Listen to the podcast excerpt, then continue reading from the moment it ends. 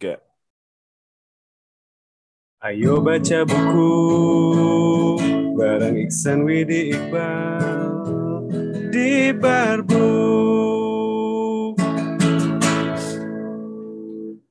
Halo, Halo. Selamat, selamat pagi, ya. pagi. siang, malam, sore, kapan pun lah ya. Pendengar barbuk di sana. Balik lagi sama kita bertiga, trio Barbuk. Ada saya Iqbal. Saya Widi. Dan saya Iksan. Kita sudah masuk ke episode 15 ya hari ini ya. Iksan dan. Widi. Betul sekali, Bang. 15. Semoga Kemarin tidak bosan 14. ya orang-orang. Semoga. Semoga semogi. Kalau mungkin takutnya bosan nih ketemunya yang tiga-tiga ini lagi, nanti kita sudah menyiapkan something special asik. Wih, Asik. Teaser. sedikit ya, teaser sedikit ya. Tungguin aja ya. Betul. Tungguin aja, tungguin aja. Minggu lalu kita bahas eh, episode dari Iqbal ya, yang sharing ya. Betul. Sebuah Ada buku novel. fiksi ya Yes. Yes, betul. dari Mas Eka Kurniawan. Judulnya Seperti Dendam. Jadi teman-teman yang udah baca mungkin boleh sharing pengalaman bacanya gimana ya. Yoi. Betul, betul. Kebetulan nih gue masih mau baca nih ya, baru dapat bukunya nih gue nih. Nanti yang pasti gue bakal sharing lagi lah ya. Atau teman-teman barbuk semua kalau misalkan ada yang udah baca dan punya impression sendiri tentang bukunya, boleh banget lah ya langsung reach out ke kita juga ya. Yes, di. IG kita juga bisa di podcast Bahas Barbuk.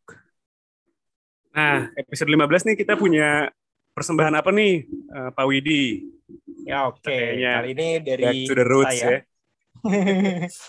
Eh, back to usual broadcast. Kembali ke format buku non-fiction. Eh, hari ini gue pengen banget bahas eh, buku yang balik lagi ke versi kita biasanya ya, eh, non-fiction gitu. Cuma Mantap. mungkin sebelum itu gue pengen tahu dulu nih dari temen-temen eh, Iksan, Iqbal. eh, kalian kemarin eh, bioskop di Reopen udah sempat nonton belum nih? Aduh, belum. Nonton gua belum. bioskop lagi. Ah, ah. Padahal belum? kepengen gue nonton nih. Gue pengen ya, juga Pak? sih.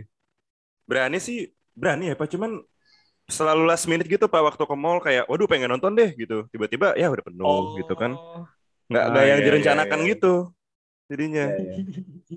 Kayak Kalau ini gua- ya, kayak Ceritanya udah berani, cuma Hmm. Istri belum berani, jadi nggak ada Oh. temen yang mau nemenin nih nonton. Oh. Jadi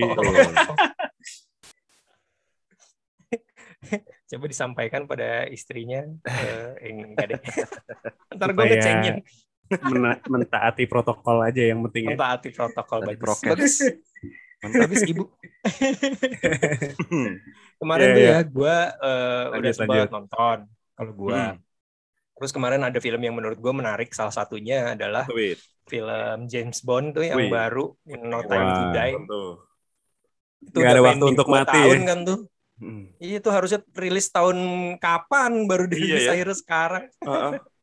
Iya. Film terakhir ini Karena juga ya, pandemi, juga kan? ya. James Bond Iya, terakhir pandemi. Hmm. Makanya makanya jadi kayak udahlah nih mumpung lagi bisa nggak tahu Hmm. nanti case-nya akan memburuk lagi apa gimana nggak tahu tahun kapan lagi nih nonton ya udah gue cikat aja nonton si film ini tapi menurut gue Hmm. di film James Bond ini atau ya film eh, spy lah ya eh, espionase pada umumnya gitu kan menjadi menarik menurut gue karena eh, di situ tuh kayak banyak part-part yang kayak tricky gitu kayak keren aja gitu ngelihat orang-orang itu tuh kayak jago menyamar jago apa eh, secara tertentu kayak memanipulasi kondisi supaya mencapai tujuannya dia yang kayak gitu-gitu Ah, nah itu banget tuh ya. Ya kan kayak Hmm. wih keren ya bisa kepikir kayak gitu ya caranya dan Hmm, sebagainya. Ya. Nah itu tuh jadi menarik gue untuk eh, pengen ngelihat di konteksnya kita kehidupan sehari-hari gitu. Kayak ya mungkin minus tembak-tembakan dan kejar-kejaran mobil ya, tapi kan lu pasti adalah kondisi di mana lu kayak eh, mungkin ada orang yang membungkus caranya dia berkomunikasi secara A gitu, tapi ternyata maksudnya adalah B gitu atau kayak punya maksud-maksud terselubung lain atau apa. Nah, caranya kita memahami itu tuh gimana sih gitu kan? Hmm. Nah, Ya, itu ya, yang ya, gue ya. pengen kulik dan gue pengen bahas di episode hari ini melalui bukunya Malcolm Gladwell Judulnya adalah Talking to Strangers. Gitu. Wih, Malcolm. Malcolm Gladwell lagi nih. Malcolm Abang lagi nih. Malcolm ya. Buku kayaknya ini buku latestnya dia deh, si Oh, gitu. Gladwell ini si apa?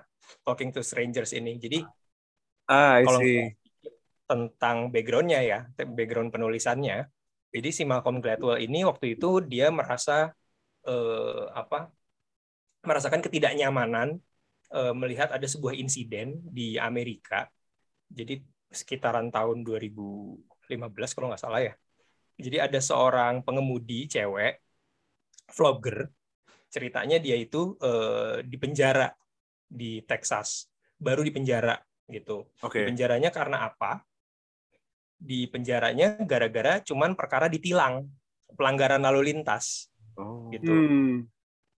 Jadi dia Speeding atau melanggar- gimana? eh dia berpindah jalur eh, tanpa ngasih lampu sen gitu which Ya ya, kalau di Indonesia kayaknya Simple lah ya, mestinya. penuh tuh penjara Seperti norma tuh ya di Indonesia tuh hal kayak gitu tuh ya iya kan harian. si belok kanan sennya ke kiri kan Iya. Emak-emak gitu kan.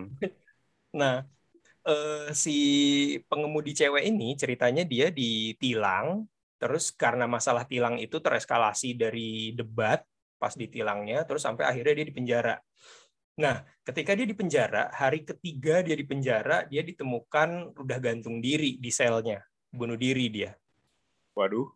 Oh ya ampun. Jadi sebuah perkara yang ya relatif sederhana ya perkara tilang doang tapi bisa sampai ada korban jiwa di situ terus menimbulkan eh, perdebatan yang cukup eh, kenceng lah gitu di di Amerika kayak apa orang tuh mempertanyakan gitu dari sisi ceweknya dari sisi si apa polisinya juga gitu orang saling berkubu kayak gitu nah itu yang bikin si penulis merasa kayak gue kayaknya harus menulis buku ini deh kayak gitu.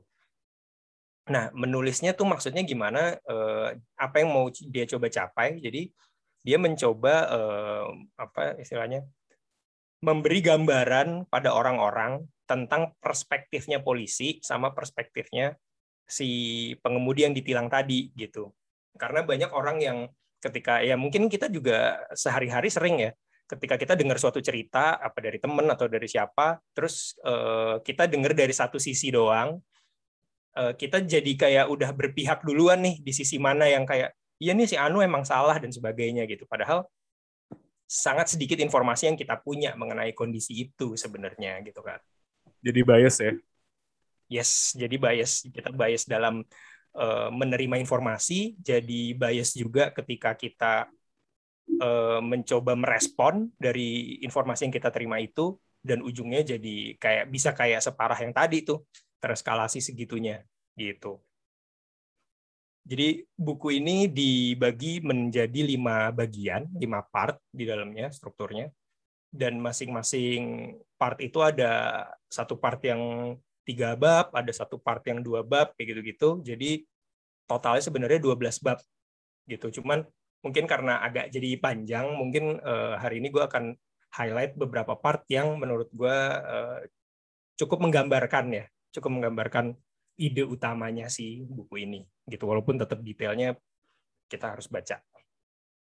Oke, gue Siap. masuk ke part pertama ya. Siap. Oke, jadi di part pertama eh, ini dia ada mengisahkan tentang eh, zaman sebelum Perang Dunia, zaman eh, Hitler, gitu. Jadi pada waktu itu ceritanya sebelum Perang Dunia itu mulai terjadi, Eropa tuh udah mulai khawatir nih sama kecenderungannya si Hitler yang kayak kok dia apa arahnya kayak anarkis ya gitu, arahnya kayak bisa memicu banyak apa pertikaian ya gitu. Nah, eh, singkat cerita pada waktu itu eh, Inggris itu mereka masih mencoba netral. Waktu itu perdana menterinya eh, Neville Chamberlain dia merasa kayak kayaknya gue harus ketemu dulu nih sama si Hitler ini. Eh, gue harus tahu, eh, gue harus dialog dulu, gue harus tahu eh, point of view-nya dia. Eh, dari situ gue baru bisa melihat apakah memang kecenderungannya seperti yang dikhawatirkan sama pemimpin negara-negara lain di Uni Eropa gitu. singkat cerita akhirnya uh, dia menemui si Hitler.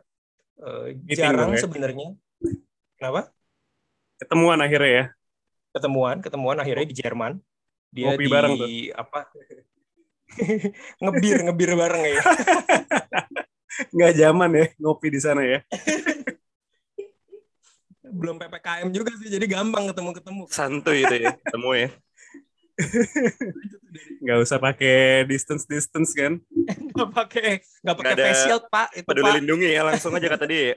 Masuk aja. Langsung aja. Lanjut lanjut lanjut. Jadi dia nemuin gitu kan si Hitler. Sebenarnya nggak banyak pejabat publik yang nemuin Hitler ketemu langsung, interaksi langsung. Sebenarnya dia malah lebih dikenal sama eh, kaum bangsawan sebenarnya di Uni- Eropa itu. Gitu. Nah, eh, terus setelah udah ketemu sama si Chamberlain, eh sama si Hitler, Chamberlain eh, ngobrol lah, ngobrol apa segala macam. Di situ si Chamberlain terus dapat kesan yang dia bawa pulang ke Inggris dan dia umumkan juga ke rakyatnya dan segala macam apa eh, pemerintahannya dia bahwa kayak Hitler ini emang kayak orangnya keras gitu berapi-api kalau ngomong tapi dia eh, sebenarnya orangnya baik gitu dia secara obrolan juga kita kayaknya nyambung dan gue cukup yakin dari pertemuan gue kemarin dia orang yang omongannya bisa dipegang gitu Oke. kata si Chamberlain. Nah, eh, orang-orang sebenarnya langsung malah pada bingung gitu. Oh, emang gitu ya gitu. Oh, emang dia sebenarnya cuman kelihatannya doang berapi-api ya gitu. Bingung lah eh, publik gara-gara statement itu. Nah, terus eh, gue bersingkat cerita sedikit. Akhirnya kan ya kita tahu lah Hitler bisa berbuat sampai sejauh apa gitu kan. Dan Ya. akhirnya si Chamberlain diganti eh, oleh perdana menteri lain eh, Winston Churchill gitu. Nah di situ Winston Churchill dia udah dengan sangat strategisnya lah dengan caranya dia dia berusaha untuk bisa mengurangi dampak yang disebabkan eh, oleh agresi militernya Hitler kayak gitu kan. Nah cuman di situ sebenarnya yang menarik adalah waktu diumumkan sama si Chamberlain bahwa Hitler ini kayaknya orangnya baik-baik aja kok gitu. Hitler orangnya nggak yang seperti dikhawatirkan orang-orang. Kan tadi gue sempat mention oh, publik pada bingung kan. Oh ternyata gitu ya. Nah eh, ketika mereka terpisah kubu antara yang percaya sama Chamberlain atau eh, tetap skeptis bahwa Hitler emang kayaknya tetap nggak bisa dipercaya, itu yang percaya sama Hitler itu orang baik itu adalah orang-orang yang pernah interaksi sama Hitler gitu.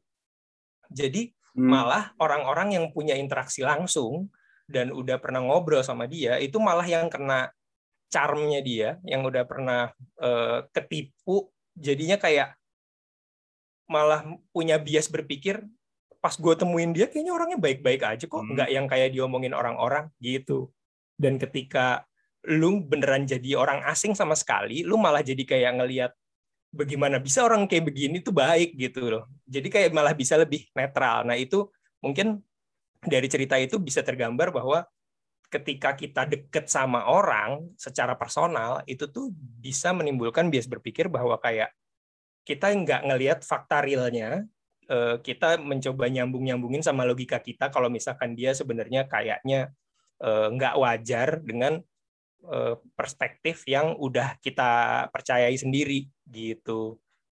Jadi itu adalah bias berpikir pertama yang disampaikan di buku ini Ah, gitu. Nah mungkin eh, Iqbal, Iksan ada nggak sih lu eh, cerita kayak gitu kayak eh, lu merasa si temen lu atau siapa lu ini kayaknya baik-baik aja tapi kok ternyata oh eh, ada berita yang nggak enak ya ternyata tentang dia dan lu gimana waktu itu? Coba. Boleh share nggak?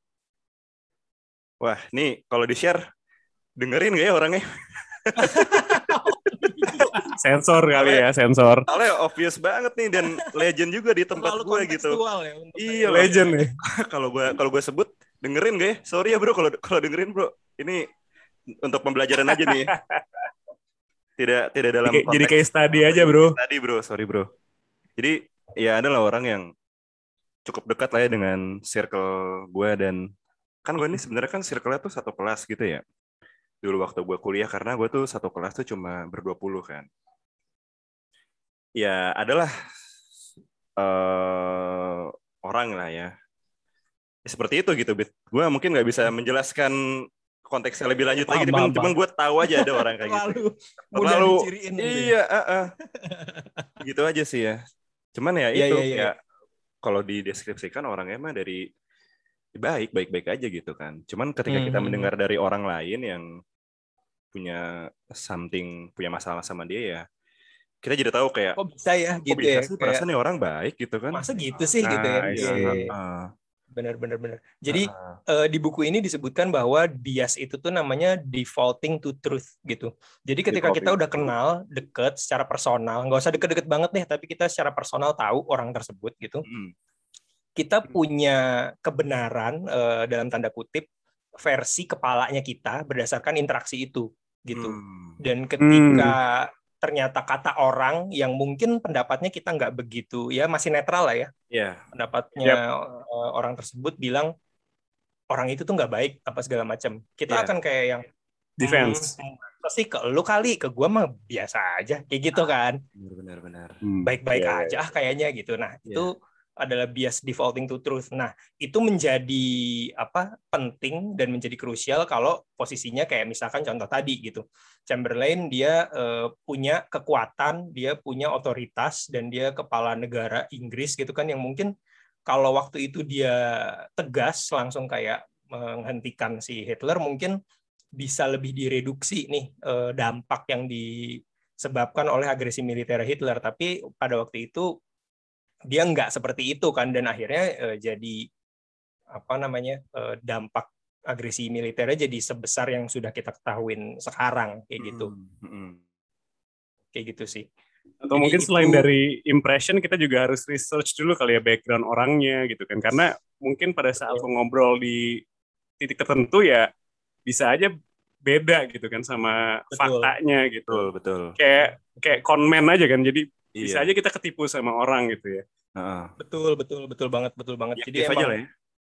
semakin Iya. kita bisa selain dari apa namanya pesan atau komunikasi langsung yang dia sampaikan ke kita interaksi yang kita rasain langsung eh, jadi penting juga sih untuk kita tahu juga dari orang lain mungkin kayak si orang ini tuh kayak gimana gitu kan jadi kita bisa lebih dapat gambaran utuhnya untuk mengetahui maksudnya orang tersebut Ah, gitu kan Benar benar. Tuh lu buka dulu IG-nya gitu. Siapa tahu ada foto lagi foto setir mobil sambil mamer jam gitu kan. Iya. Foto mapan nih. Iya bisa juga sih foto mapan. scroll ini kali ya foto yang tag by others ya bukan yang dia post sendiri Oh iya. Tag by others bener sih.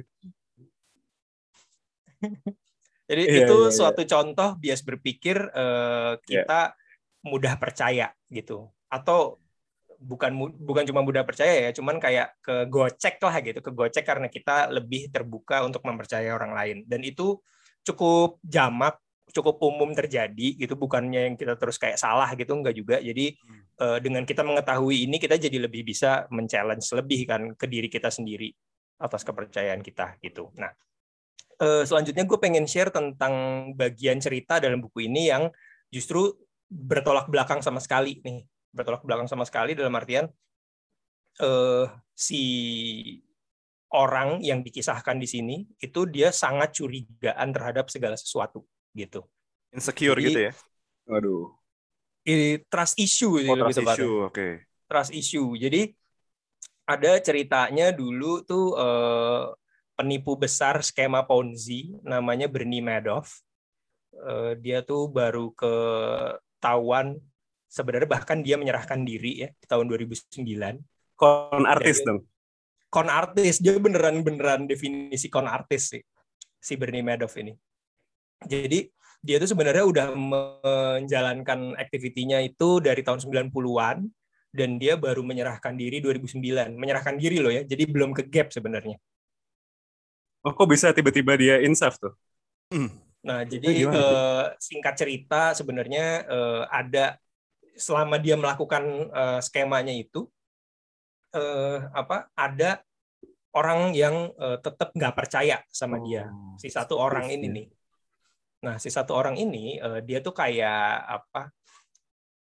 investigator independen untuk kegiatan finansial lah gitu bidang finansial gitu. Jadi kayak Oke. detektif swasta tapi khusus untuk bidang finansial gitu. Nah, ceritanya si orang ini dia eh, orang imigran dari Yunani keluarganya. Eh, orang tuanya pindah dari Yunani ke Amerika terus habis itu punya anak dia si investigator ini Eh, namanya investigatornya adalah Marco Polos. Jadi si Marco Polos ini tuh dia ya kisah hidupnya orang struggling sebagai imigran gitulah ya kayak hidupnya keras apa segala macem kayak gitu. Hmm. Eh, terus singkat cerita mungkin eh, dia ngeliat lah si beritanya project-projectnya si Bernie Madoff ini gitu. Oke. Bernie Madoff ini cukup apa Mencurigakan dia. sebenarnya malah dia tuh mencurigakannya lucu. Jadi gini, kalau ya kita ngomong eh, background tentang investasi sedikit ya. Iya. Investasi itu kan pasti eh, naik turun kan. Lu nggak mungkin kayak konstan untung terus tapi stabil terus gitu kan. Iya. Nah, tapi si Bernie Madoff ini dia malah eh, untungnya stabil terus gitu. Untungnya stabil Too good terus. to be true dia- dong. Oh. Heeh, too good to be true banget gitu. Tapi pada waktu itu mungkin karena dia juga apa namanya membawakan dirinya tuh meyakinkan. Terus habis itu eh, caranya dia menyampaikan segala macam tuh orang eh, kegocek lah gitu ya. Hmm. Jadi malah Iya. orang tuh pada mikirnya eh, emang dia jago aja gitu. Emang dia tuh bisa melihat eh, pola Peluang. kecenderungan pasar gitu kan sebelum itu benar-benar terjadi yang orang lain tuh juga nggak melihat pola tersebut gitu Hmm. Jadi orang malah makin percaya orang malah makin naruh uang investasinya mereka sama si Bernie Madoff gitu. Dan ketika dia dipercaya sama orang orang yang lain jadi makin percaya. Orang yang lain jadi makin percaya lagi. Kayak gitu terus kan. Akhirnya dana yang dia kelola makin gede makin gede makin gede. Ponzi scam-nya dia makin lancar. Kan gitu kan kalau ponzi. Nah terus eh, di situ juga eh, ada kecenderungan orang percaya percaya aja sama Bernie Madoff karena di Wall Street itu eh, lumayan peraturan tuh ketat lah gitu sistemnya cukup nge- ngegawangin untuk hal-hal yang eh, tidak diinginkan supaya nggak kejadian kayak gitu. Nah, ketika orang secara umum udah percaya sama sistem bahwa ya sistem akan eh, ngurusin lah akan take care hal-hal yang semacam eh, penipuan dan apa segala macam akan lebih sulit lah gitu terjadi. Itulah saat di mana orang lengah dan Bernie Madoff memanfaatkan lengahnya itu gitu. Jadi eh, kayak tadi eh, sempat di share dia menipu banyak orang, eh, terus habis itu dana kelolaannya jadi gede banget, terus habis itu dia sempat ngeklaim juga ke berita dan apa segala macam kayak gue mau ada project baru lagi nih yang apa dana kelolaannya eh, sekian triliun dolar segala macam kan itu dana gede banget ya Hmm. si Marco Polos ini, si investigator ini, dia eh, penasaran kayak dana kelolaan segede gitu pasti hanya bisa disalurkan oleh bank sindikasi gitu. Bank sindikasi kayak eh, mungkin kalau yang apa bisa yang dengar bisa googling. Jadi kayak dua bank atau lebih yang kayak bergabung untuk menyalurkan suatu dana berjumlah besar gitu ya, Bapak Iqbal ya, yang anak finance gimana nih? Takut salah ngomong gua. Iya betul Pak, betul Pak. Iya Confirm, betul ya Pak ya. confirm. Mantap. di ACC ya, eh, Pak Approve, dosen approve. ya. So tahu banget gue ya. Apalagi gua, Pak. nah, jadi ceritanya dia eh, si private investigator ini langsung kepikiran sederhana aja. Oke, kalau dananya yang dikelola segede itu eh, bank yang bisa menyalurkan juga jumlahnya sedikit, berarti harusnya project itu terdaftar di bank-bank yang jumlahnya sedikit ini. Gua cross check ah gitu. Se berdasarkan seisengan gitu doang. Habis itu dia cross check, dicari eh, nama apa investment manajernya Bernie Madoff, nggak ada di semua bank itu. Dan dia ngeceknya juga pada waktu itu ya eh, tahun 90-an gitu kan kayak pakai telepon doang kan, sesederhana itu kan. Terus dicek nggak ada namanya Bernie Madoff ini gitu. Tapi si klaimnya Bernie Madoff itu udah naik ke media mana-mana gitu. Jadi kayak sebenarnya jadi lucunya adalah yang apa eh, udah level media, udah level institusi formal kayak gitu-gitu tuh langsung percaya aja karena udah melihat kredibilitasnya si Bernie Madoff yang sudah-sudah. Tapi si orang yang curigaan ini karena emang dia bawaannya investigator gitu ya, curigaan, dia nggak percaya dan dia cuma memvalidasi dengan langkah sederhana doang. Dan ternyata terbukti kalau eh, investasi yang dia sampaikan tuh fiktif. Bodong gitu. ya itu ya. Bodong, investasi bodong bodong, ya. kan. Yoi. Jadi terbukti ya si Marco Polos ya. Iya makanya terus dia jadi kayak wah beneran nggak ada nih gitu kan. Akhirnya eh, ya karena juga naluri insting dasarnya dia investigator dia telusurin terus tuh. Dia telusurin dia telusurin. Akhirnya ternyata ke, malah kebongkar berita yang lain penipuan yang lain penipuan yang lain kayak gitu. Terus sampai dia mm, ngebongkar terus. Oh kayaknya seluruh orang besar investor besar di US udah pada kena nih sama nih orang nih sebenarnya kayak gitu. Terus habis itu dia telusurin lagi, telusurin lagi. Ternyata bahkan eh, orang-orang investor kaya dari Eropa pun juga udah pada kena gitu. Jadi Heeh. udah gede banget si scam Ponzi yang dijalankan sama si Bernie Madoff ini. Nah, si Marco Polos jadi paranoid sendiri gitu karena juga dia dasarnya kan eh, orangnya curigaan gitu ya. Dia jadi parno sendirinya karena kayak wah kalau eh, skema sebesar ini bisa lolos berarti mungkin sistem atau dalam hal ini mungkin pemerintah terkait ot- pihak otoritas yang terkait terlibat juga dong berarti ya. Karena kok bisa sih segede gini bisa lolos kayak gitu. Iya juga ya. Terus dia jadi super paranoid karena dia kayak takut wah kalau orang dengan skema sebesar ini dia pasti udah bisa ngebunuh orang dengan mudah nih dengan kayak Heeh. apa ada yang mengganggu hilang ya. Heeh, bisa hilang nih gue bisa tahu-tahu diculik atau apa gitu nih. Hmm. Nah, dia jadi super parno tuh di situ. Udah dia paranoid, dia tambah paranoid lagi. Sampai terus eh, singkat cerita ada kayak Mahkamah Agung yang baru dilantik di yang mengcover daerah eh, apa New York gitu. Dia memang punya background eh, misi lah ya, misi dari si orang tersebut si jaksa agungnya itu pengen menginvestigasi Wall Street gitu. Dia sempat declare. Nah, terus harapannya si Marco Polos tuh untuk bisa di backup oleh si jaksa agung itu. Nah, sebenarnya kan eh, dalam kapasitasnya dia sebagai investigator swasta, dia tuh bisa set meeting eh, formal untuk nemuin si jaksa agung itu gitu. Udah kayak part dari ininya lah ya apa eh, jabatannya dia, eh, posisi pekerjaannya dia yang bisa memberikan dia akses untuk itu. Tapi dia karena terlalu paranoid, dia ngasih surat kaleng ke si jaksa agung itu.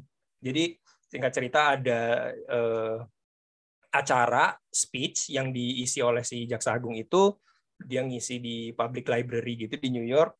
Terus si Marco Polos dia pakai jaket di double biar kayak nggak kelihatan dia siluetnya kayak siapa gitu.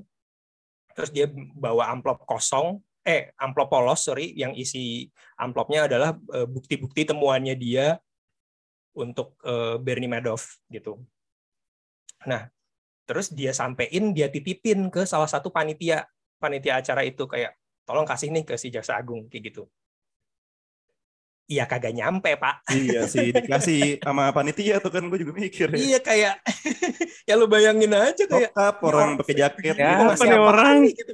Si ngasih kaleng. Ngasih surat Takutnya kaleng bom dalamnya. iya kali malah dibongkar duluan mungkin. Terus isinya cuma kayak paperworks doang habis itu dibuang. Jadi Jadi singkat sia-sia cerita dong. Sia-sia, sia-sia. Dia udah riset mendalam, bukti-bukti yang dia temuin udah kuat gitu kan. Case-nya juga valid. Tapi dia nggak sampein dengan benar sehingga eh, gagal, sampai Gagal. ke agung yang dia maksud gitu. Nah, eh, lucunya Salahnya adalah di mana nih salahnya nih berarti? Hmm. masalahnya adalah itu dia tuh sangat paranoid dia nggak percaya siapa pun gitu kan eh, bahkan sederhana karena dia udah terlalu paranoid banget ya jadi pola pikirnya dia tuh udah terlalu ah jangan gini deh, ah jangan gini deh. Jadi sempit Hmm. gitu. Jadi dia nggak menyadari kapasitasnya dia sendiri secara formal kayak kalau dia berpikiran terbuka, ya gue tinggal datang aja ke kantornya book meeting sama sekretarisnya, gue ketemu face to face sama tuh orang. Tapi, Tapi dia hidup di dalam episode yang ada di otaknya doang ya. iya, ya. heeh, dia terlalu paranoid, takut dibunuh apa segala macam. Dan dia kayak beneran diceritain di situ dia tuh selalu punya standby di rumahnya Hmm. kayak amunisi shotgun apa segala macam yang kayak ready Tidur- setiap malam. tidur nggak tenang dong.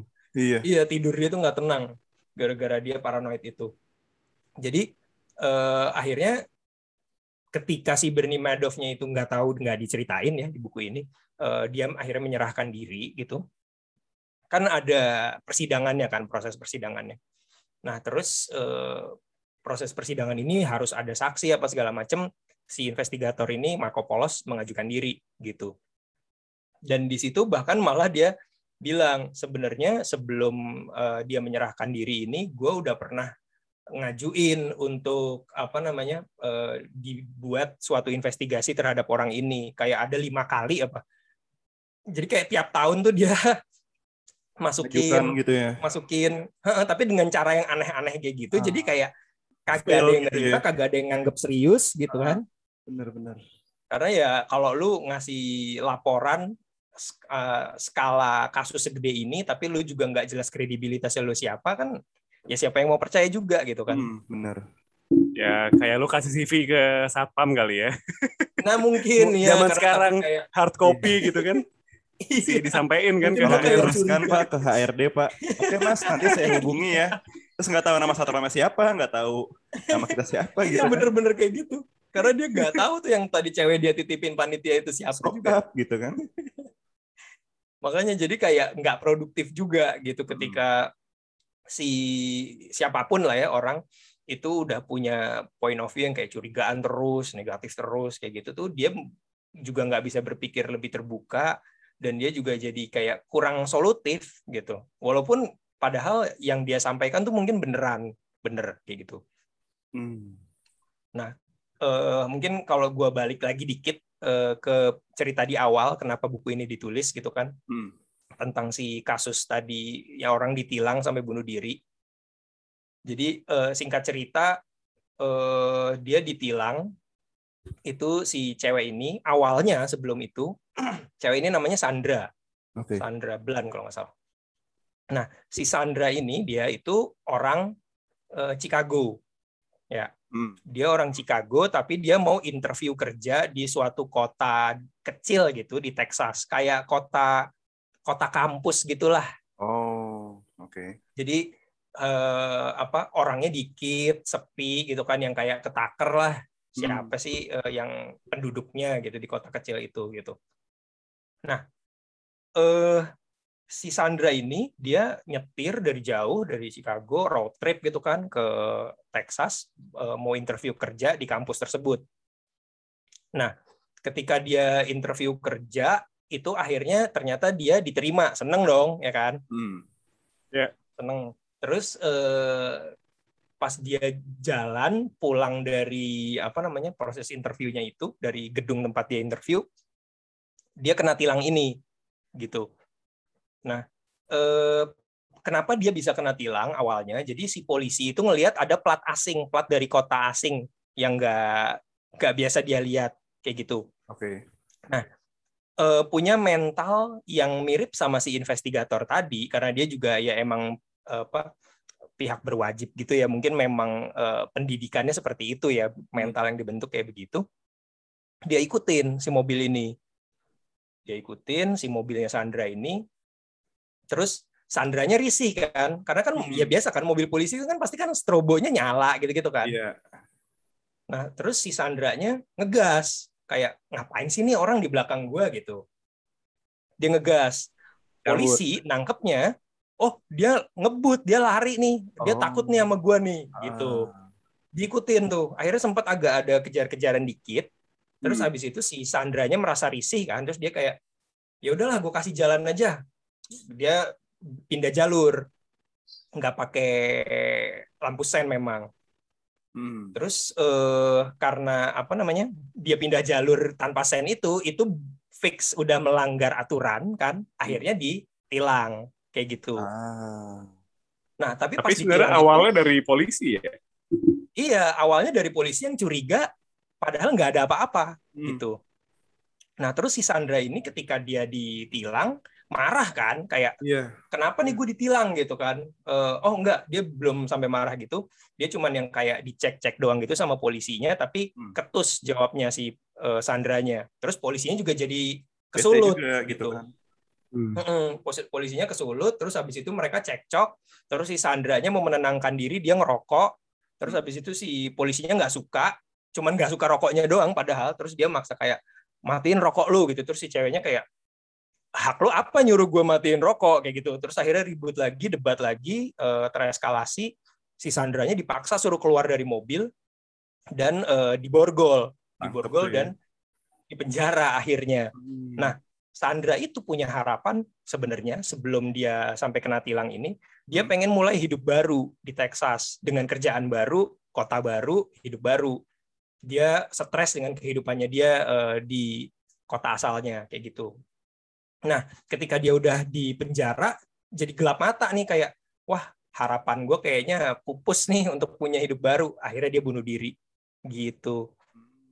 Jadi di situ ya. mungkin Hmm. Tragis banget dan kayak bisa dilihat dari sisi polisi nggak salah juga. Kayak dia emang tugasnya untuk berjaga-jaga kan. Hmm. tapi nggak salah juga dari sisi si Sandranya sama sekali karena emang dia nggak ngapa-ngapain gitu. Iya. jadi komplikasinya tuh di situ gitu. Kompleksnya bahwa kayak kalau lu mau memahami orang tapi lu punya apa eh, ap- eh, judgement duluan dan segala macam itu tuh bisa sangat mengeskalasi sesuatu yang tadinya sangat nggak penting Iya. kayak gitu Hmm. Itu kan berujung pada kematian gitu kan, berbahaya banget. Iya bahkan sampai ke Berujung kematian. pada gitu. kematian. Jadi, Iya. eh, itu sih kesimpulannya si buku Talking to Strangers ini sangat menarik kalau teman-teman sempat baca dan apa eh, praktekin eh, pengetahuan di dalamnya gitu ke sehari-hari karena pasti kita sering kan mengalami miskom dan segala macam. Jadi itu Betul. sih. Mengurangi miskoman lah ya, Wit ya. Dan memahami jadi kayak James Bond gitu kan kita memahami orang lain. Yoi. Iya. Wih, Jadi ibaratnya bisa tahu ini ya, human nature tuh sebenarnya sosial di balik segala hal itu ada hmm. Iya. why-nya juga ya gitu ya. Sangat banyak Ada konteks. alasannya juga. Betul, sangat banyak background, konteks eh, di luar dari pesan itu sendiri yang disampaikan si orang tersebut. Hmm. I see. Iya. Oke, kalau gitu itu eh, yang bisa disampaikan sama Mas Widi di episode 15 ya, Yes. Mas Widi ya. Betul. Nanti kita akan ketemu lagi ya teman-teman di episode 16. Eh, buat teman-teman semua, terima kasih sudah mendengarkan kita. Stay safe and see you later. Goodbye. Bye, thank Bye. you, Terima kasih sudah semua. mendengarkan.